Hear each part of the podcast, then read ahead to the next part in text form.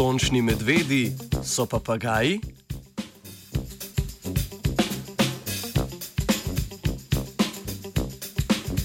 Mednarodna raziskovalna skupina poroča o spoznanju, da živalska vrsta, ki je sicer znana po samotarskem življenju v divjini, natančno oponaša brazne poteze partnerjev pri igri.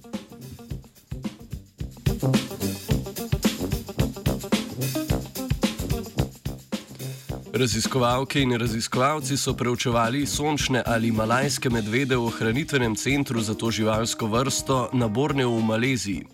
V tem centru sončni medvedi živijo v skupinah po šest, sicer pa sončni medvedi v divjini živijo sami, zato raziskovalke in raziskovalci niso pričakovali prisotnosti obrazne mimikrije.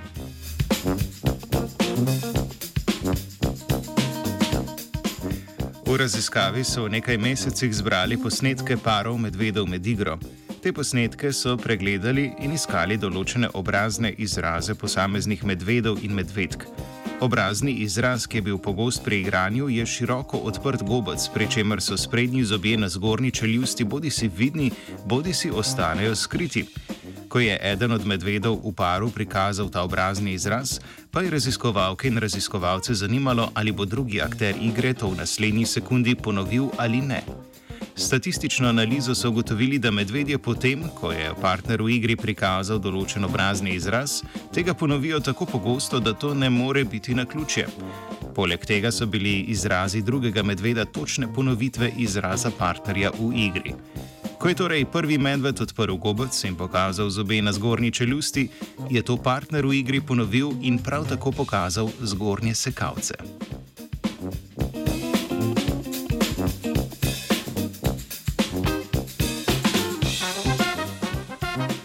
Čemu oponašanje obrazne mimike služi, raziskovalna skupina ne ve. Predvideva pa, da bi lahko bil to znak za spremembo načina igre ali pa podaljšanje njenega trajanja. Vse to bo treba še raziskati.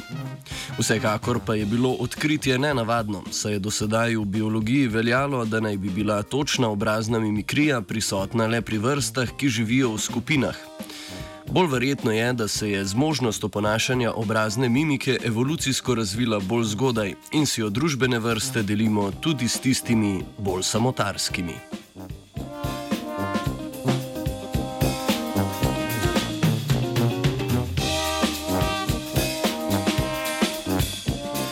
Sončne medvede je spoznavala Zarja.